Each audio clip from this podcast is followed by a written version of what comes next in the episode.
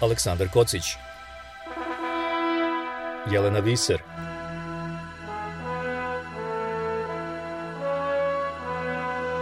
Radio Karantin Hronika istorije u nastajanju Dve godine traje pandemija koronavirusa. Kroz mnogo toga smo prošli i mnogo toga smo naučili. I mi, obični građani, i naučnici, i lekari pre svega. Jedna od stvari koje sam ja naučio, na primjer, jeste da za ove dve godine igru vodi virus, a mi ga pratimo. Virus se razvija, širi i mutira, a mi ga jurimo da ga stignemo. Ali nikako i da ga prestignemo. Ili smo možda sada došli do te tačke preokreta. Ja sam Aleksandar Kocić i sa današnjim gostima, lekarima na prvoj liniji COVID fronta, tražim odgovor na to pitanje.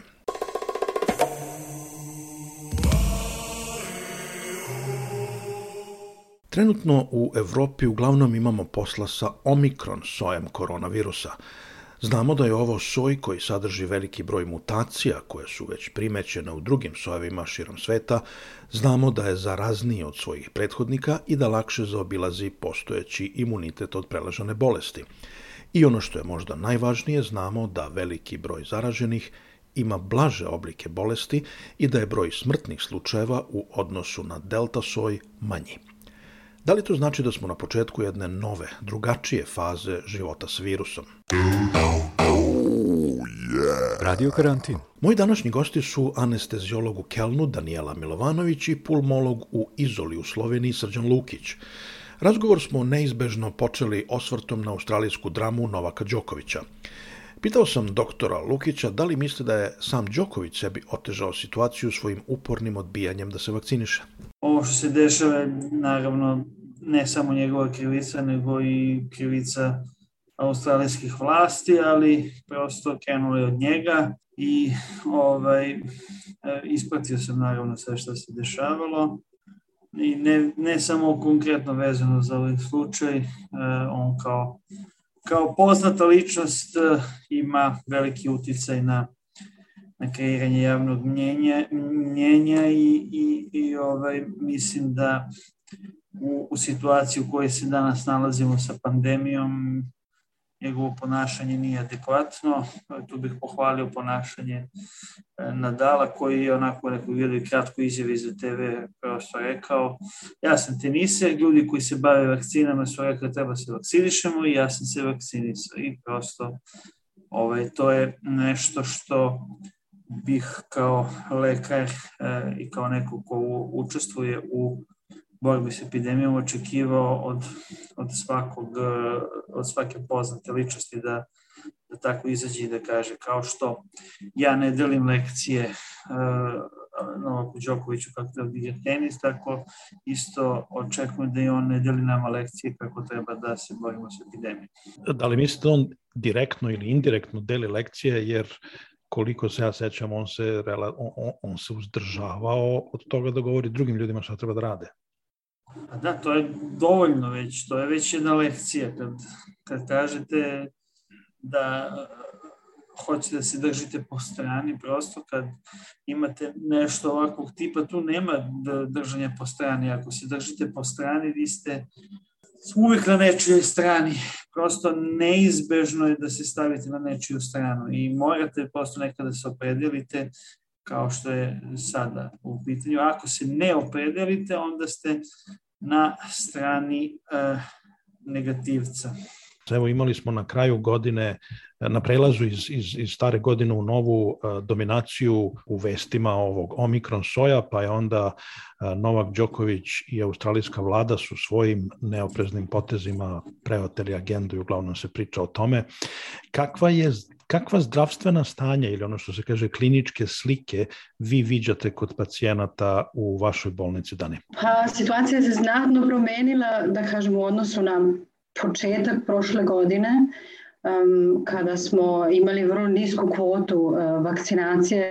Um, što se tiče omikrona, um, želim malo da se ogradimo od toga jer u Nemačkoj omikron još nije dominantan soj. Znači mi smo stigli negde možda do 50%, ali mi se još uvek borimo sa talasom delta u principu.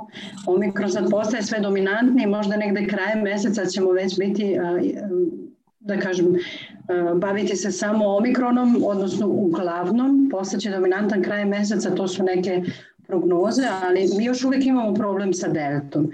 Um, problem jeste jer imamo dosta inficiranih, ali um, težina kliničke slike nije takva kako smo poznavali pre vakcinacije.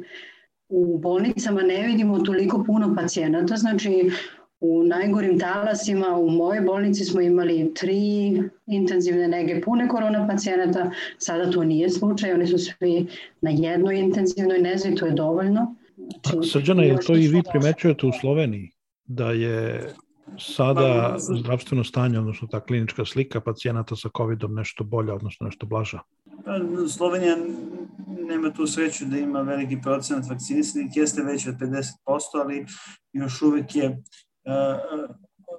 veliki procenat građana Slovenije nevakcinisan, tako da mi ono što svakako vidimo je razlika između kliničkih slike kod vakcinisanih i kod nevakcinisanih, koja je naravno mnogo teža kod, kod nevakcinisanih. To naravno govorim za period dok se nije pojavio Omikron soj. Sada sa pojavom Omikron soja još uvek ne znamo koji su je dominantan, zato što to, time se ne bavimo prosto klinički, kad nama dođe pacijent, nas ne interesuje koji je soj u pitanju, samo je bitno da, da dokažemo da je COVID i onda e, klinički lečimo pacijenta. E, ono što svakako e, primećujemo je velika, velika razlika između vakcinisane i nevakcinisane populacije. Nažalost, ima i određen procenat vakcinisane populacije koji imaju malo teže kliničke slike, tu su uglavnom stariji ljudi za koje pretpostavljamo da su iz ovog i onog razloga imunokompromitovani, pa kod njih sama ta vakcinacija nije bila najuspešnija. Evo, pre neki dan jedan lekar u Britaniji kaže da je trenutno u engleskim bolnicama uh, na intenzivnoj nezi 90% pacijenata uh, od covid čine nevakcinisani. Da li znate kakva je kod vas situacija u Nemačkoj ili u Sloveniji? Evo ja ću da počnem. Zaista najveći deo naših pacijenata na intenzivnoj nezi jeste nevakcinisan.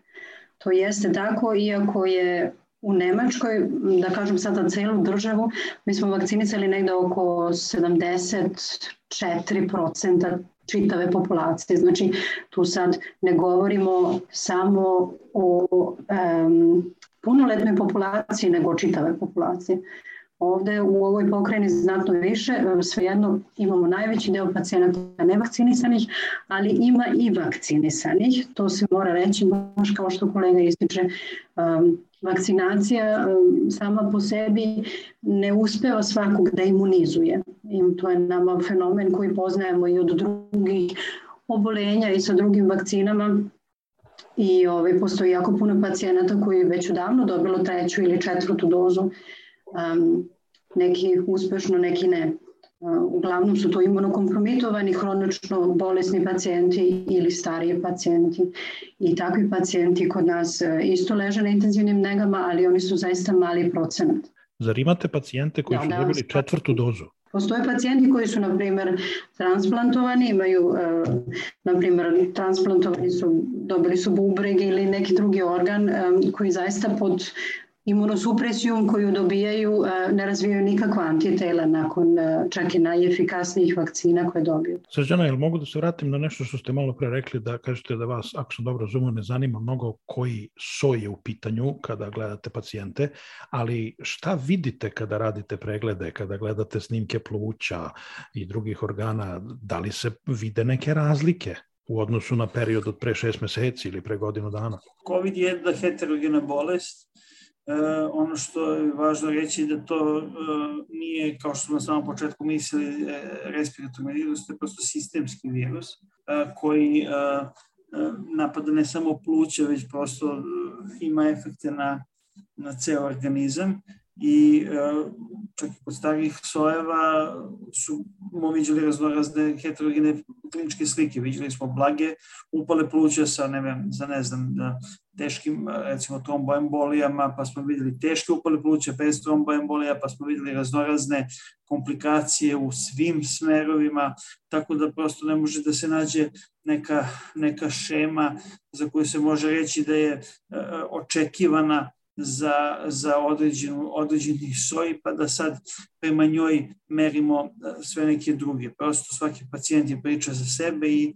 mi prosto se i ne bavimo time, kao što rekoh, nas uh, uh, ovaj, u lečenju pacijenta se ne ne, ne odlučujemo prema tome da li je pacijent ima ovaj soj ili onaj soj, ne odlučujemo se ni prema tome da li je pacijent vakcinisan ili ne vakcinisan, prosto gledamo kliničku sliku i u odnosu na tu kliničku sliku se ravnamo kako ćemo lečiti pacijente. To je važilo za, na početku kad je bio alfa soj, kad je posle došao delta soj, isto tako ćemo nastaviti sa omikronom. Daniela, da li možete mi kažete u kojoj meri su sad drugi zdravstveni problemi trenutno u drugom planu zbog covid -a.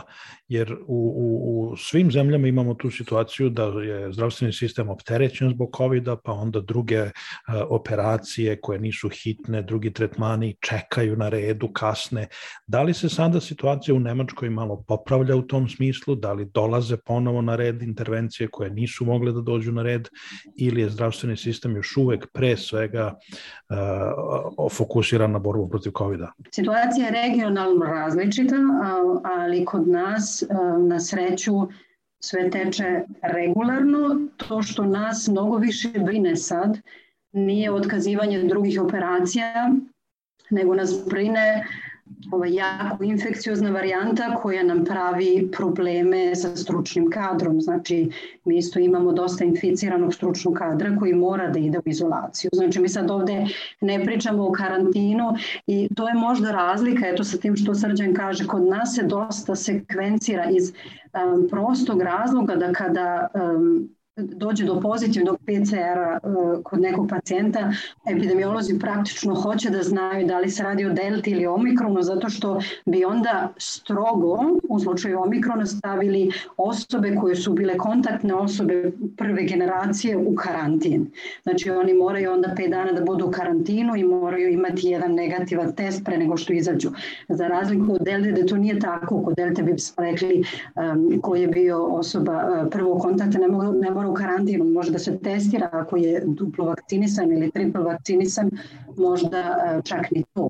Nego jednostavno mi imamo FFP maske, nosimo stalno. E, kod Omikrona je sad to drugačije, znači mi sad uvodimo opet obavezan karantin i pre svega koji je bolestan i čak asim, asimptomatičan, znači bez e, simptoma, dolazi se do te dileme šta radite sa tim ljudima kada je stručni kadar toliko um, knap, kada imamo jako malo uh, ljudi pre svega uh, u bolnicama i šta da radimo, da li mogu da rade ili uh, ostaju kući u 14-dnevnoj izolaciji. To su sve logistički problemi pred kojima sad stojimo i stojećemo sve više s obzirom da Omikron postaje sve dominantni. Mi smo pre neki dan imali u vestima u Britaniji da je 10% trenutno zdravstvenih radnika pogođeno virusom, tako da su u izolaciji, da je to veliki problem naravno za zdravstveni sistem. Srđane, mogu da se vratim sad malo unazad, odnosno malo više. Da li se sećate trenutka pre dve godine kad ste pomislili ili zaključili da je ovo sa COVID-om ozbiljna stvar? Pa da, naravno. Ovaj, e, ne toliko što se tiče samih pacijenata, pošto ih je na početku bilo veoma malo, ali na, na, se sećam prosto uh, svih tih lockdowna i odnosa koje su sve države imale prema pandemiji na početku, kada je to sve išlo, išlo veoma striktno i na tom početku je i bilo tako, tako da kažem efikasno, zato što je sve bilo maksimalno striktno i svi ljudi su da se držali, držali tih mera na početku striktno, kako je posle epidemija išla, ljudi su se opuštali, države su se opuštale, kontrola se opuštala i na kraju smo došli do uh, ovog momenta gde smo sada, kada uh, ovaj, uh, epidemioloških mera gotovo i da nema. Ali ako pogledate, ako pogledate taj period, da li je to bio januar pre e, dve godine ili februar, kad ste vi pomislili bio mart, ovo neće valjati? Da, kada sam pomislio da neće valjati, pa već, već u, u martu se videlo da neće valjati kada je to sve počelo, znači kako su, kako su prvi, prvi pacijenti stizali, uvijek je naravno postojao onaj, onaj deo optimistički koji kaže ok, ajde da završimo ovaj talas i posle toga će sve valjda nekako samo od sebe da se smiri, ali prosto smo već videli činjenice koje su pokazivali da to neće ići tako lako.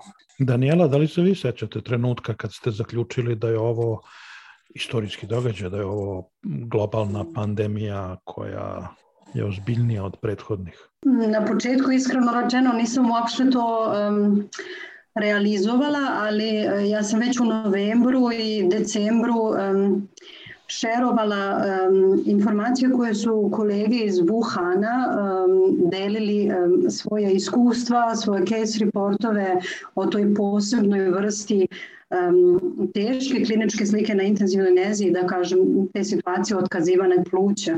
To je jedan fenomen koji mi poznajemo pod imenom ARDS i um, to poznajemo uh, i znamo da je uglavnom jedna da kažem, klinička pojava koja se događa od različitih virusa, gljivičnih infekcija, bakterija, ali u ovom u novembru se još nije tačno znalo o čemu se radi. U decembru su kolege onda na osnovu uh, svojih iskustava i mikroskopije koji su radili došli do te korelacije da se tu radi o jednoj vrsti koronavirusa i došlo je do objavljivanja jednog članka u New England Journal of Medicine koji sam isto podelila na socijalnoj mreži to nije imalo gotovo, da kažem, nikakav, nikakvu rezonanciju, osim par kolega koji su znali o čemu se radi i um, tek negde krajem januara, u februara, kada je počeo da se razbuktava um, se razbuktava situacija u severnoj Italiji. Iskreno rečeno sam shvatila koliko je situacija ozbiljna i koliko je um, to zapravo kontagiozna i, i infekciološki teška situacija koja će sigurno biti teško, e, e, teško dovesti pod kontrolu. Gledati Italiju, to smo radili svi sa puno straha, ja imam lične povezanosti sa Severnom Italijom i zbog toga sam bila u kontaktu sa mnogim kolegama koji su nam um, govorili o svojim iskustvima i um, mi smo već negde u martu, aprilu preuzeli prve pacijente iz Bergama. Uh, oni su došli u našu kliniku i to su bili naši prvi korona pacijenti i mi smo imali svaki dan vrste update-ova posle jednom nedeljno I sećam se da su naše kolege, mi koji radimo u operativnoj anesteziji, pitali druge kolege koji su u kontaktu sa tim pacijentima, pa dobro, koliko su bolesni ti pacijenti, jednostavno koje komorbiditete, koje druge hronične obolenja oni donose sa sobom i da smo svi bili šokirani da oni gotovo nisu imali komorbiditete, ako se sad ne računa možda neki visokrvni pritisak koji je diagnostikovan tek kada su došli u bolnicu zbog COVID. E sad, svaka kriza je prilika da nešto naučimo i pretpostavljam da je za vas, zdravstvene radnike, ovo na neki način bila idealna prilika da se nešto novo uh, nauči, da li što se tiče uh, samih tretmana i, i razvoja bolesti, da li što se tiče organizacije zdravstvenog sistema, reakcije društva i tako dalje. Da li možete da mi kažete nešto o tome šta su za vas naj, do sada, nije ovo gotovo, ali šta su za vas do sada nekako najveće pouke, naj, najveće lekcije iz ove krize? Pouke su da ovaj, uh, smo uprko svemu i nepoznatom virusu i, i, i neznanju što možemo da očekujemo od njega, da smo se kao kao zdravstveni sistem, kao zdravstveni radnici smo se vrlo brzo organizovali, smo se vrlo brzo prilagodili tom virusu i, i, i onom što on izaziva i vrlo brzo smo uspeli da, da počnemo da lečimo pacijente koji su bolili od tog virusa, naravno u onoj meri u kojoj je to bilo moguće, tako da je to bila, nije bila neka vrsta improvizacije zato što smo radili prosto na osnovu koncepata dobre prakse koje smo već imali. Daniela, šta mislite da je moglo bolje?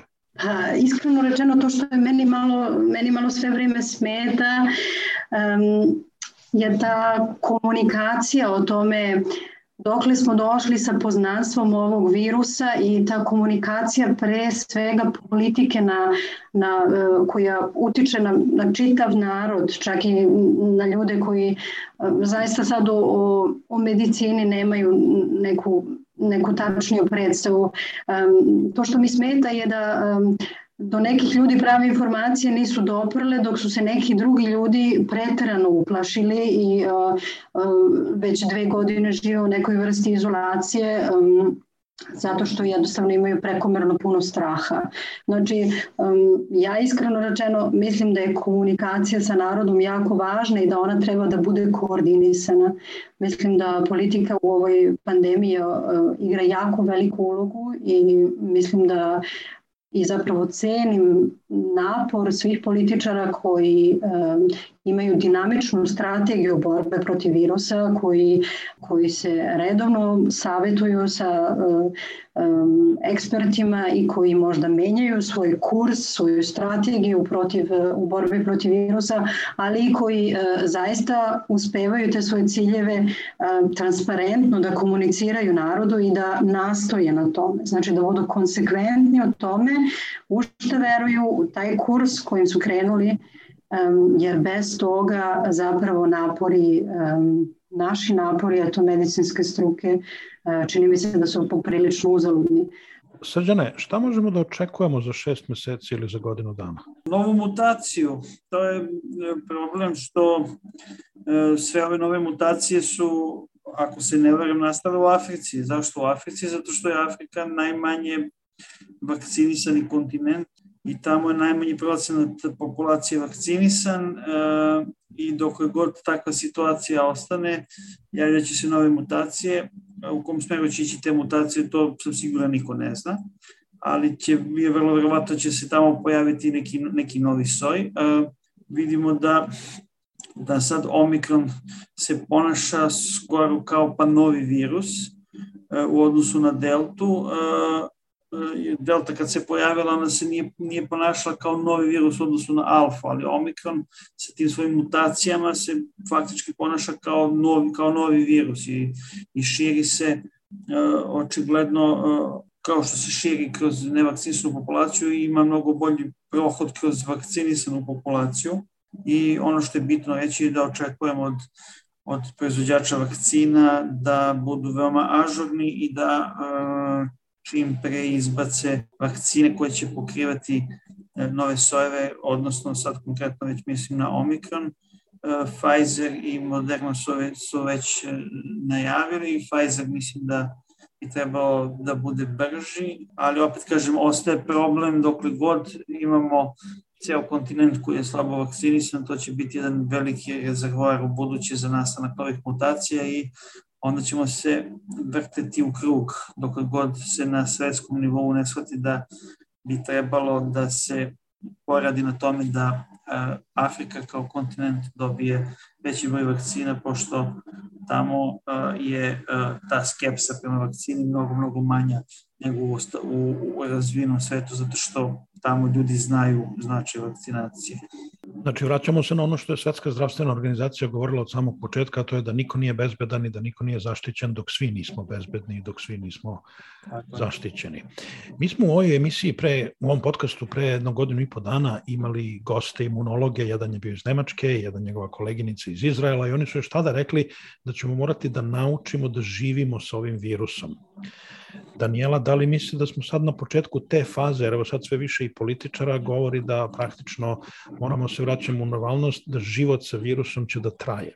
Kako vi vidite taj život sa virusom? Pa ja imam malo poteškoće da prihvatim to, da mi moramo da živimo sa njim, ali um, u biti donekle je zaista to tačno. Mislim da iskreno rečeno mi se nikad nećemo vratiti u uh, formu tog slobodnog života kao što je bilo pre pandemije. Mislim da će um, nas maske pratiti jako dugo.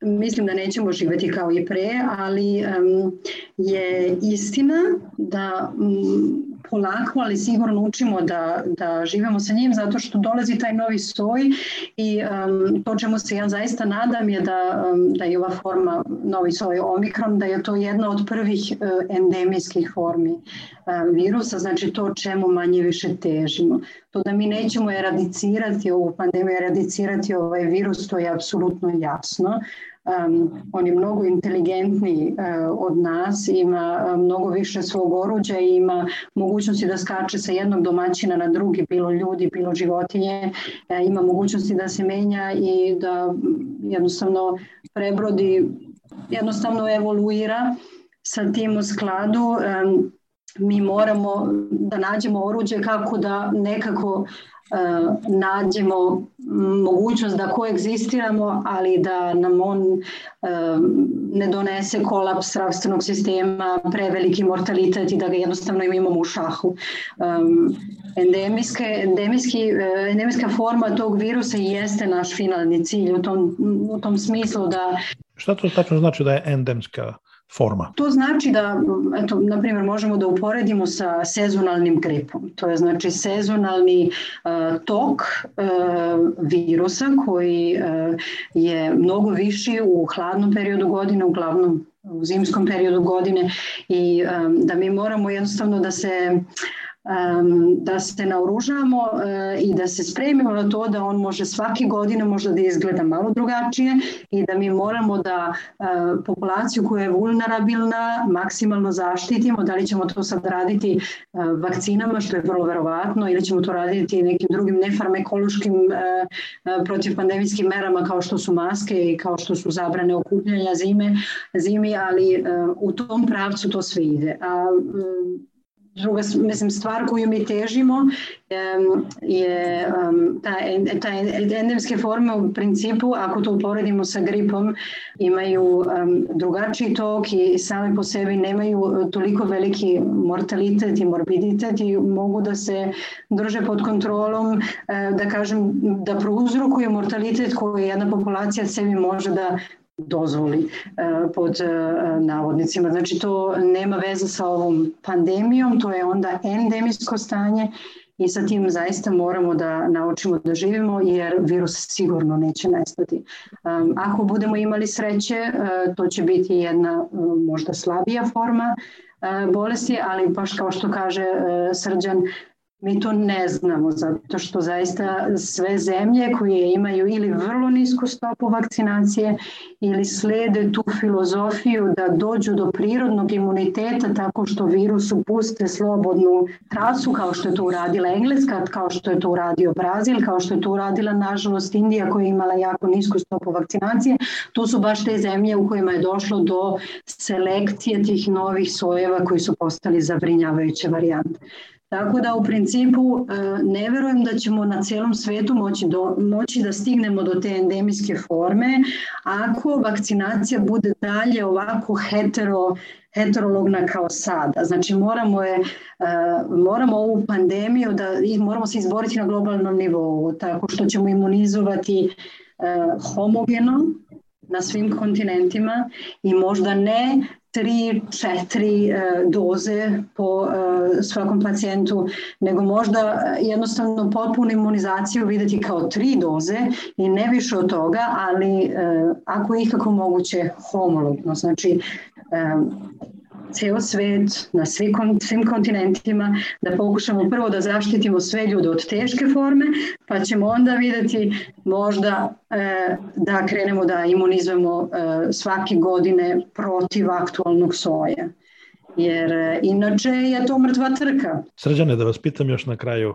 evo negde sam pročitao pre neki dan da ipak na kraju krajeva cela ove drame australijske sa Novakom Đokovićem ne bi bilo da smo imali obaveznu vakcinaciju u većem delu sveta. Da li vi kao lekar podržavate ideju obavezne vakcinacije? Da, naravno da podržavam, ali mislim da je prošao voz za to. Tako da mislim da što se toga tiče, pričati o tome je kako kažem, više teoretisanje, pošto se to očigledno neće desiti i ako bi neko i pokušao to da izvede, bi se verovatno završilo fijaskom, što bi posle dovelo do još nekih loših posledica iz toga.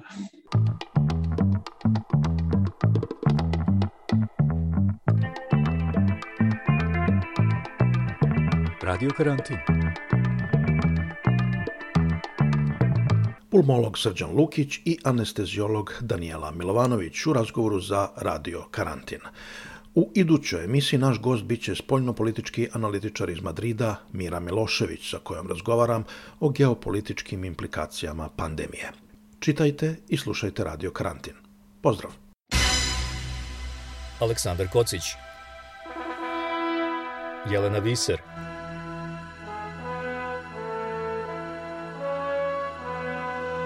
Radio Karantin Hronika istorije u nastajanju